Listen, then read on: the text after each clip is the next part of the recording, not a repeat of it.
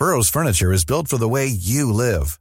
From ensuring easy assembly and disassembly to honoring highly requested new colors for their award-winning seating, they always have their customers in mind. Their modular seating is made out of durable materials to last and grow with you. And with Burrow, you always get fast, free shipping. Get up to 60% off during Burrow's Memorial Day sale at burrow.com slash ACAST. That's burrow.com slash ACAST. burrow.com slash ACAST.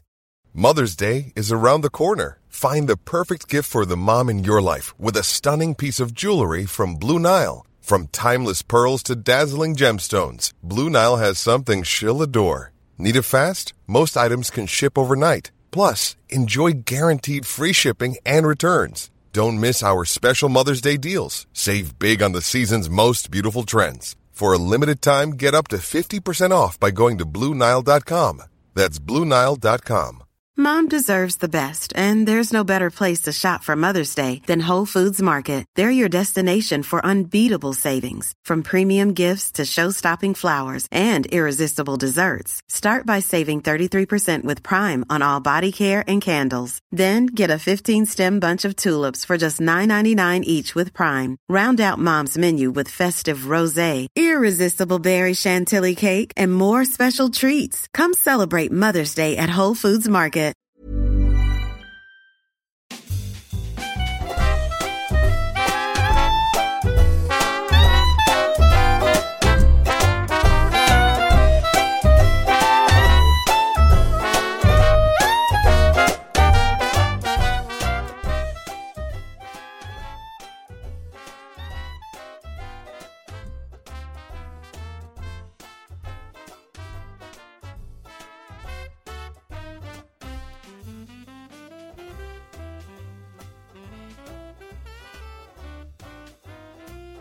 Då sitter vi här igen samlade runt rutan Leo och med oss har vi vår gode vän Pontus Wernbloom igen. Underbart att ha med dig! Det är underbart att få vara med er killar och köta lite fotboll.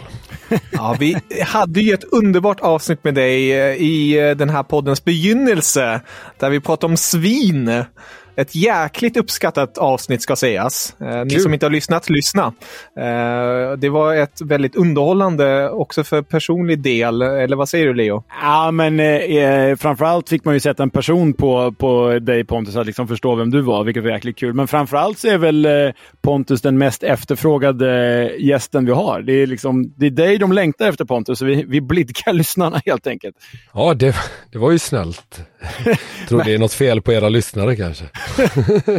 Men du, jag har faktiskt en polare som efter det avsnittet som tyckte det var så jäkla trevligt att, att, att lyssna på. Men så sa han så här, fan, ni pratade ju topp fem svin. Pontus var inget svin själv, jag trodde alltid att han var det. I mångt och mycket var jag nog det, men äh, ja. jag tog mig, satte på mig den kostymen emellanåt, framförallt i Ryssland då. Uh, när man inte pratar samma språk och sådär, då är det lite enklare att vara ett svin tror jag. Det blir inte samma, samma grej som när man är hemma i allsvenskan kanske, för då blir det, det kan låta lite konstigt, men, men så är det faktiskt. Ja, jag förstår. Men den här gången ska vi inte prata om svin, men vi ska prata om något som eh, kanske är lite nära. Jag vet inte, det är en väldigt diffust ämne ändå. Lite lurigt ämne. Det är nämligen topp fem bollvinnare. Och Leo, eh, innan du Pontus också får eh, prata lite om det, men det här är ju ett ämne som är lite svårt att kanske definiera, eller vad säger du Leo?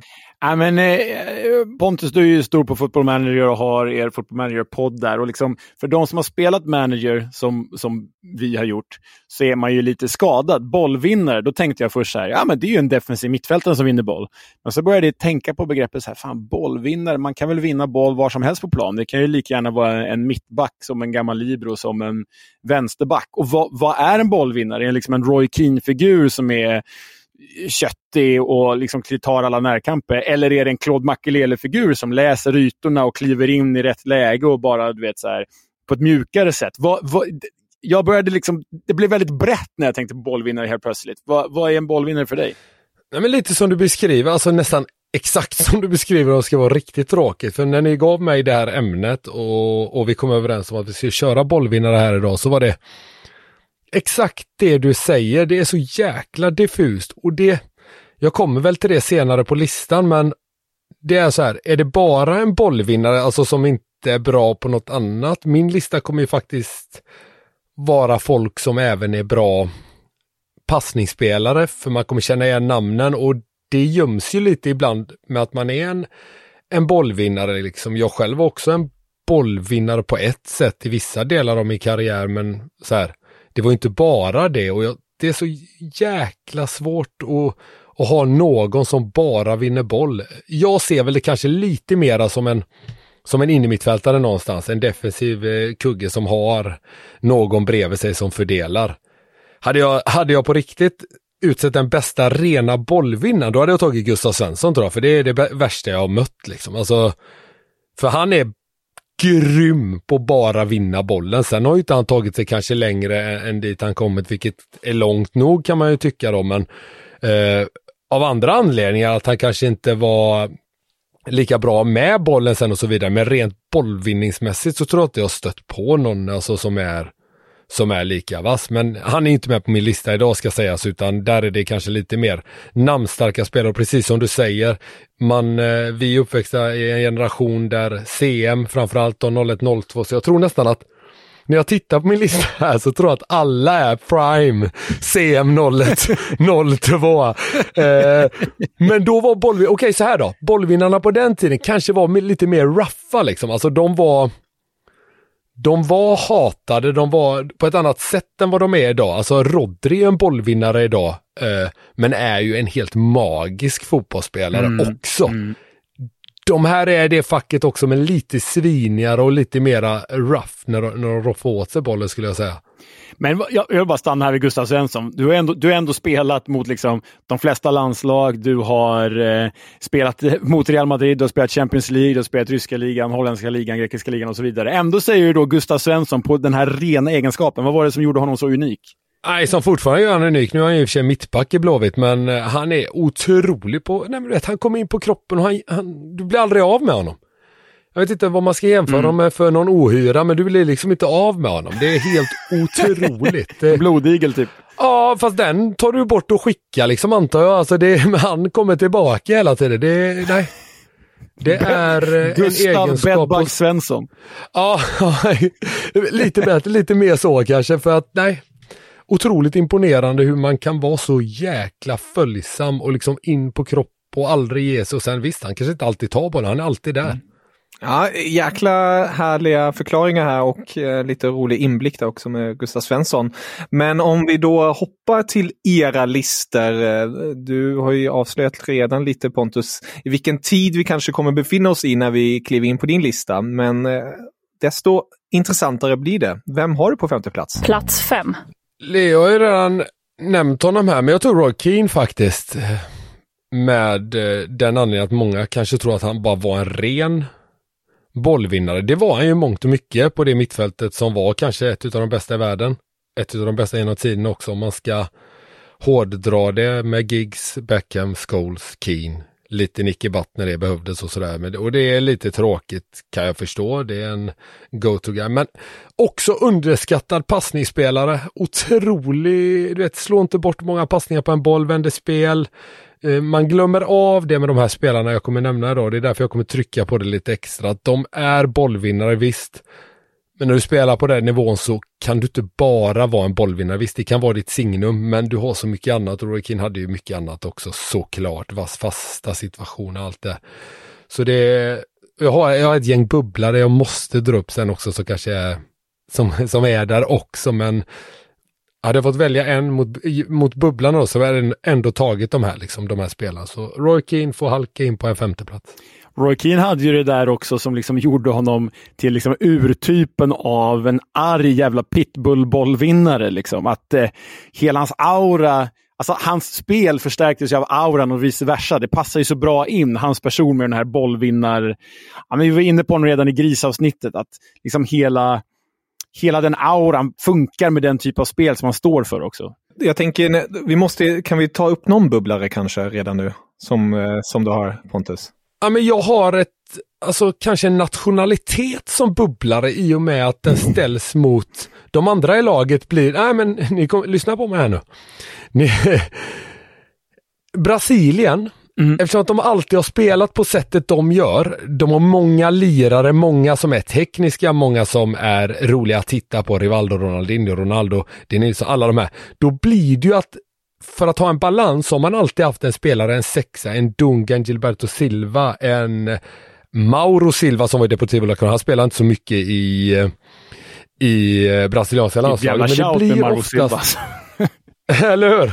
Ja, han var faktiskt en av bubblarna. Emerson till exempel som hoppar in i stolpen med axeln. Eh, det blir ju alltså nyanserna där, eller vad ska man säga? Det blir så otroligt eh, man ser det så enkelt, då blir det att man lätt pekar på dem och det här är en grym bollvinnare för att de inte spelar på samma sätt som de andra.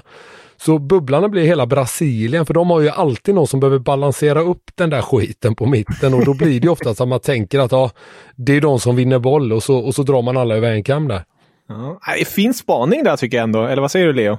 Jag vill faktiskt bara förlänga den, för jag tror att jag tar min femteplats direkt. För eh, det är exakt den anledningen som gör att min femma heter Dunga. För att liksom, det måste vara typ det mest otacksamma jobbet du kan ha inom idrottsvärlden. Att vara bollvinnare på mittfältet i ett brasilianskt landslag. Det eller vara liksom bandymålvakt. Det, det, jag vet inte vad, vad som är mer otacksamt att vara, men Dunga var ju också dels var han liksom själv antitesen till den brasilianska fotbollen som du precis beskrev den. Att det, det är fin och flärd och det är vackert och det är estetiskt och det är underhållande. Dunga var ju tvärtom. Han var ju grisig, ful, tråkig men jävligt bra på allt det där också. Och sen var han ju faktiskt också, alltså han skilde sig också i och med att han var lagkapten, arg, och de andra brassarna lite glada, lite vitare i hyn och så den här flat-top-frillan. Han såg ut som han, lite Jean-Claude Van Damme liksom. Det, det... Han såg ut som Jean-Claude Van Damme i Street Fighter. Jag skulle säga det, som Guile där, exakt. exakt så ser han ju ut och det gör ju liksom, ja, ja. det gör ju att han blir ju bollvinnare. Man liksom hajar ju till när man ser honom, när de andra liksom leker fotboll och garvar och sådär, så har du honom. De kör ju den där eh, när Bebeto gör mål när de vaggar barnet, då är inte Dunga där, då är han ju ute och skriker Nej, på någon. Han är tillbaka, skriker till dem och säger kom tillbaka allihopa nu! Kom på rätt sida! Mål, liksom. han, han var ju, jag är lite för ung för att ha sett honom i hans prime. Liksom. Han spelade ju Fiorentina, jag håller på Fiorentina, men, men jag var lite för ung för det. Men jag har ändå sett i efterhand och förstått att liksom, de första åren med Battistuta där i Fiorentina, då var ju liksom Dunga som möjliggjorde för Battistuta och Fiorentinas fantastiska offensiv att kliva framåt. Precis som VM 94 för, för Brasilien. Och eh, Eh, Dunga var ju även, hade en rätt framgångsrik eh, sejour i, i Stuttgart där i mitten på 90-talet till din stora glädje Kevin. Nej men Dunga, jag tror att han, han måste liksom vara kanske skillnaden mellan att vara hatad och bra måste vara liksom störst för honom i liksom brasilianska landslagshistorien. För ingen kan ju tycka om honom, men han gjorde det här ovärderliga jobbet som gjorde alla andra bra. Och därför är jag min femteplats. Ja, Fin motivering, eh, härligt namn också där och eh, jäklar vad du går på, som, på snöret från din bubblare till din femma Leo. Men eh, vi hoppar då till nästa placering. Nummer fyra, Pontus. Vem hittar vi där? When you're ready to pop the question, the last thing you want to do is second guess the ring. At BlueNile.com you can design a one-of-a-kind ring with the ease and convenience of shopping online. Choose your diamond and setting. When you find the one, you'll get it delivered right to your door. Go to Bluenile.com and use promo code LISTEN to get $50 off your purchase of $500 or more. That's code LISTEN at Bluenile.com for $50 off your purchase. Bluenile.com code LISTEN. Everyone knows therapy is great for solving problems, but getting therapy has its own problems too, like finding the right therapist, fitting into their schedule, and of course, the cost. Well, BetterHelp can solve those problems. It's totally online and built around your schedule. It's surprisingly affordable too. Connect with a credentialed therapist by phone, video, or online chat, all from the comfort of your home. Visit betterhelp.com to learn more and save 10% on your first month. That's BetterHelp, H E L P. Hey there, it's Michelle Norris. I'm host of a podcast called Your Mama's Kitchen. When I travel, I'm usually looking for a way to find a taste of home when I'm not at home. And one of the things I love to do when I am at home is entertain. And Airbnb allows me to do that. When I was in California recently, I rented a house that had a great kitchen. And when we were sitting around the table, we're all thinking, we're in someone else's house. Someone could be in all of our homes as well. If you have a home, but you're not always at home, you have an Airbnb. Your home might be worth more than you think. Find out how much at airbnb.com slash host.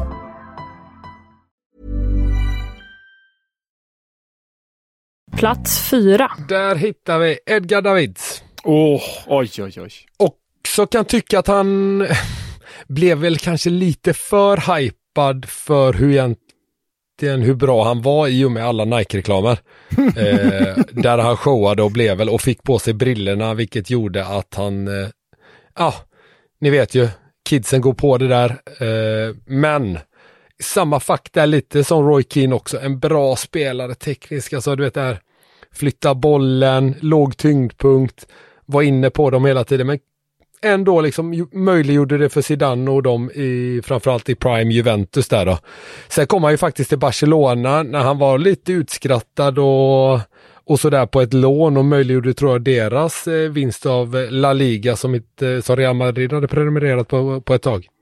Ja, han var ju... Eh, jag var faktiskt eh, med min far 2004 var det, va? så var vi på Barça Betis och då hade Davids precis kommit in i Barcelona. Och eh, han var ju helt otrolig. Och liksom början på den här... Liksom, för det, man ska komma ihåg att det började ganska dåligt för Rijkaard i Barcelona. Men när han fick in Davids så började de ju hitta rätt. Och Davids var ju en sån jäkla Alltså till skillnad från Dunga, han var ju en pitbull som Dunga, men han hade ju det som du är inne på. Han hade ju liksom edge, flärd och var cool. Alltså hela min generation, vi är väl lika gamla Pontus, eh, älskade ju Davids. Man, man ville ju nästan spela i brillor bara för att Davids gjorde det. Liksom. Så han, han hade ju det här 90-gritty-spelet i kombination med att han var en sån fruktansvärt häftig karaktär också. Ja, det är, glasögonen kan man aldrig glömma bort. Det, det, där sätter man verkligen... Eh... Och omslaget på Fifa ja, 2001, eller? Ja, är det 2001? Ja, det är det nog va. Det, det är sånt som skapar lite kultspelare också. Där får man väl ändå säga att David är en av de första och största på ja, 2000-talet. Slutet 90. Två, nej, vänta. Nu, nu live-googlar jag här. Eh, 2003 är han för Fifa med Giggs och Roberto Carlos. Ja, men det är ändå han är själv tror jag. Ah, Okej. Okay. Han bara har Hollands landslagströja på sig. Ja, vi får kika på det. Aha. Jo, jo, precis här. 2001. Jäklar! Ja. Snyggt Leo! Snyggt! Ja, något, något ska man kunna. Ja, det är ja, det bra nailat faktiskt. Starkt. Ja. Nej, um, nummer fyra då för din del Leo?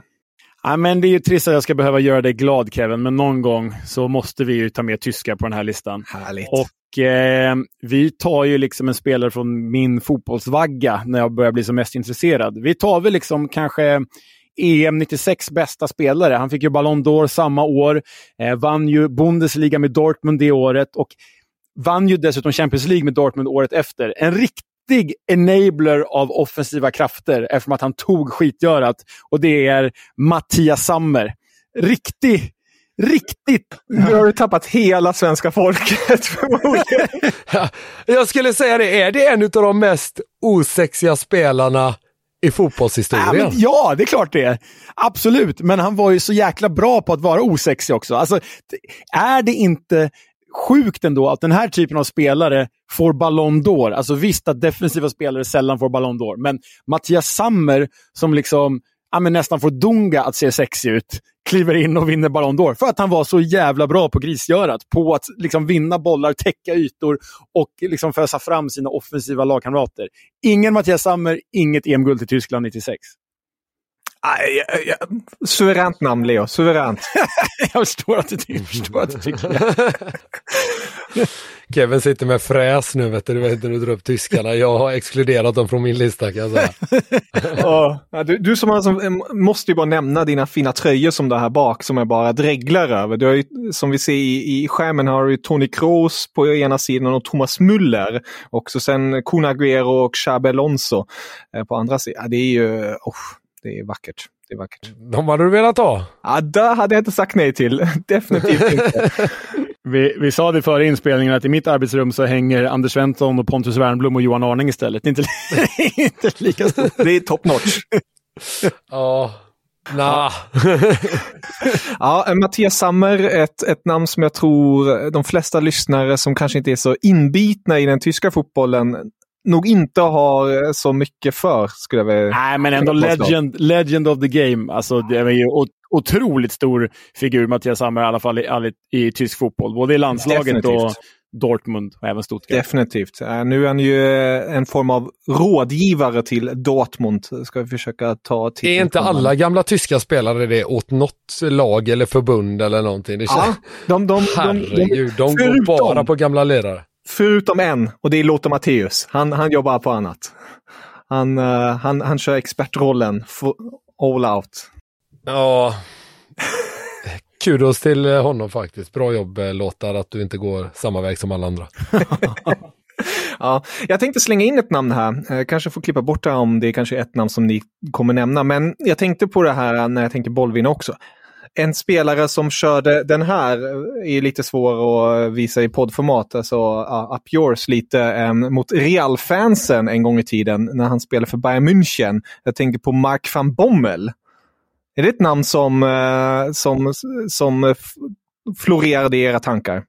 Ja, men inte på en uh, topp 5-lista. Absolut, han var ju där. Uh, alltså lite samma som de andra också, en fantastisk mm. spelare.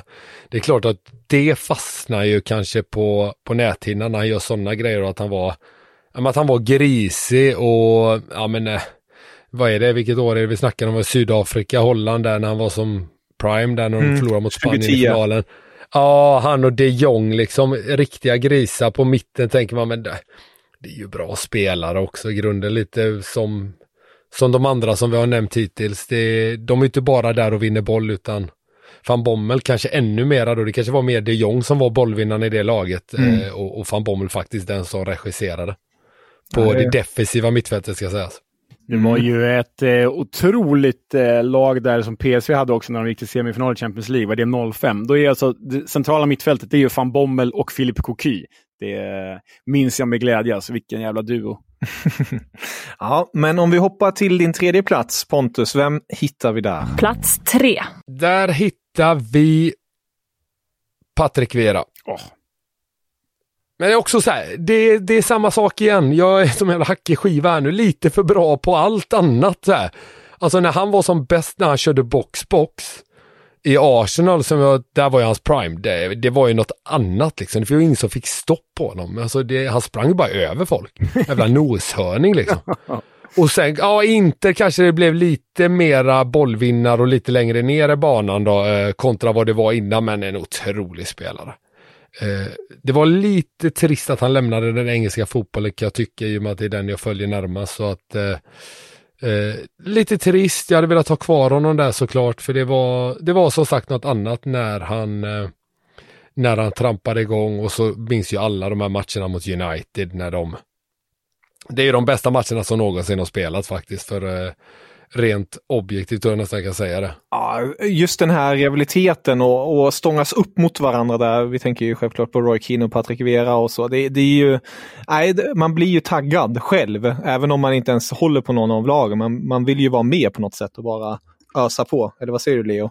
Ja, men jag hakar på här, för här har vi faktiskt exakt samma spelare på exakt samma plats. Eh, Patrik Vera har jag också på, på, på trean och jag stämmer bara in i det du säger. Vi nämnde ju otacksamma uppgifter.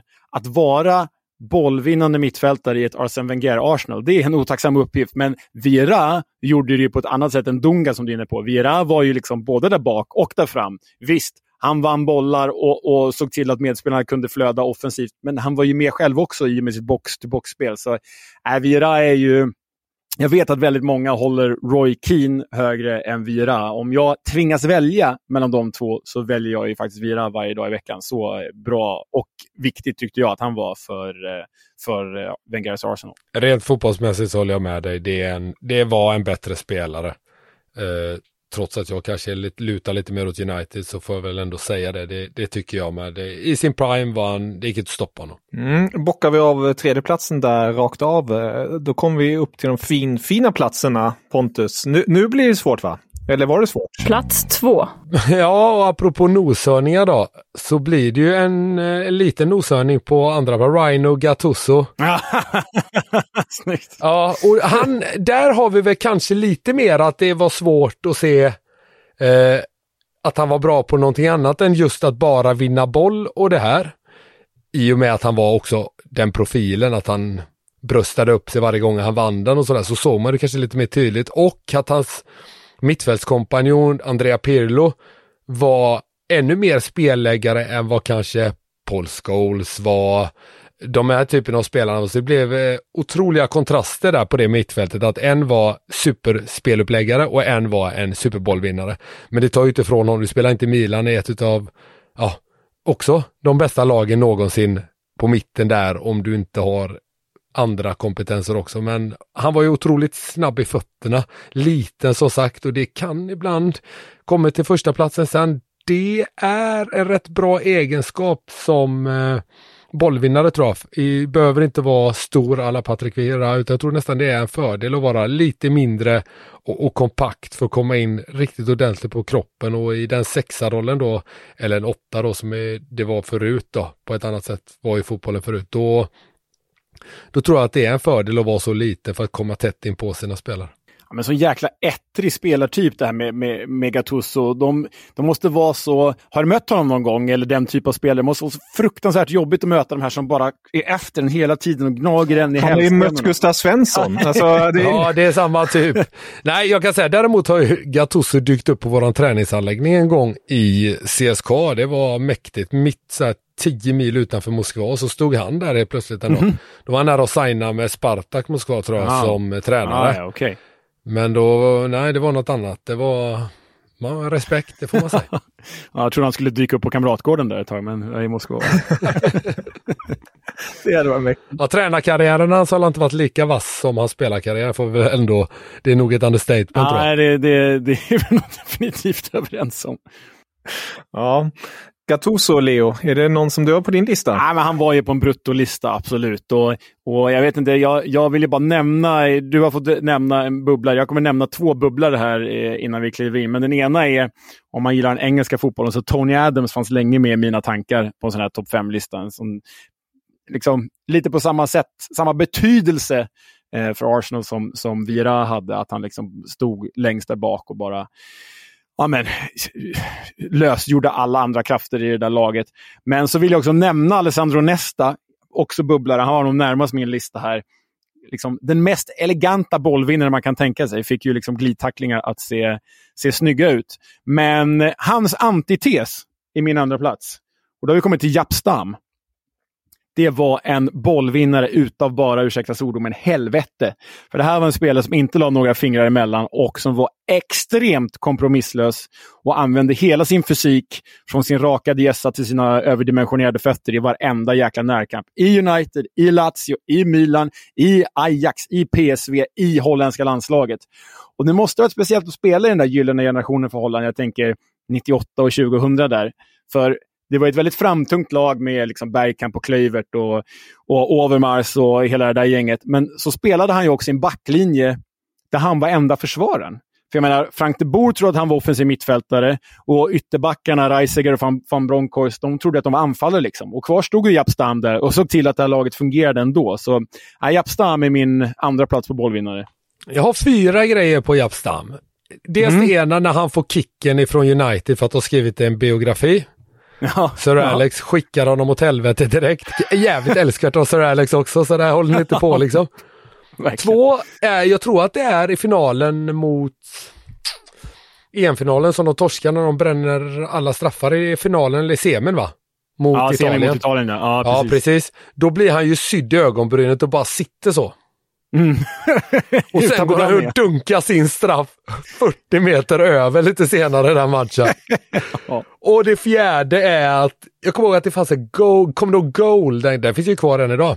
Den gamla tidningen, det gamla magasinet som man ah, hade när ja, man ja. var liten. Jag tror inte det går så bra idag men när vi var små så var det liksom det man hade och då stod det Japstam Seek and Destroy på framsidan. det gillade man, det hatade man inte.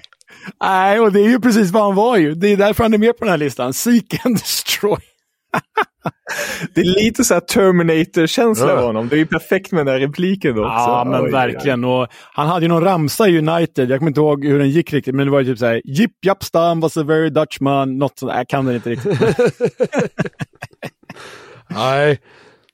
Otrolig spelare. Jag köper köper inte han som bollvinnare, men jag köper att han alltid ska egentligen vara med på alla listor. Vilken otrolig profil. Livsfarlig. Ja, verkligen. Otroligt farlig. Ja, nej. Man får bara ont när man tänker på honom. Det, det, det är min känsla i alla fall. Alltså, kroppen blir öm. Men eh, låt oss gå till din första plats Pontus. Vem eh, krönar du som bollvinnare n- numero uno? Ja, det är den bästa genom tiderna och det syntes väl kanske allra mest när han lämnade Galacticos, eh, Claude Makelele. Exakt samma. Exakt Men samma. på samma sätt Ja, härligt! Nej, men på samma sätt som eh, vi har diskuterat de andra, fast nästan ännu mer underskattad i eh, uppbyggnadsspelet. Han är ju en av de första sexorna som verkligen gick ner där och hämtade boll, men han vann tillbaka den. Kanté lite mera box to box senare, man vill göra jämförelserna, men jag tycker inte det.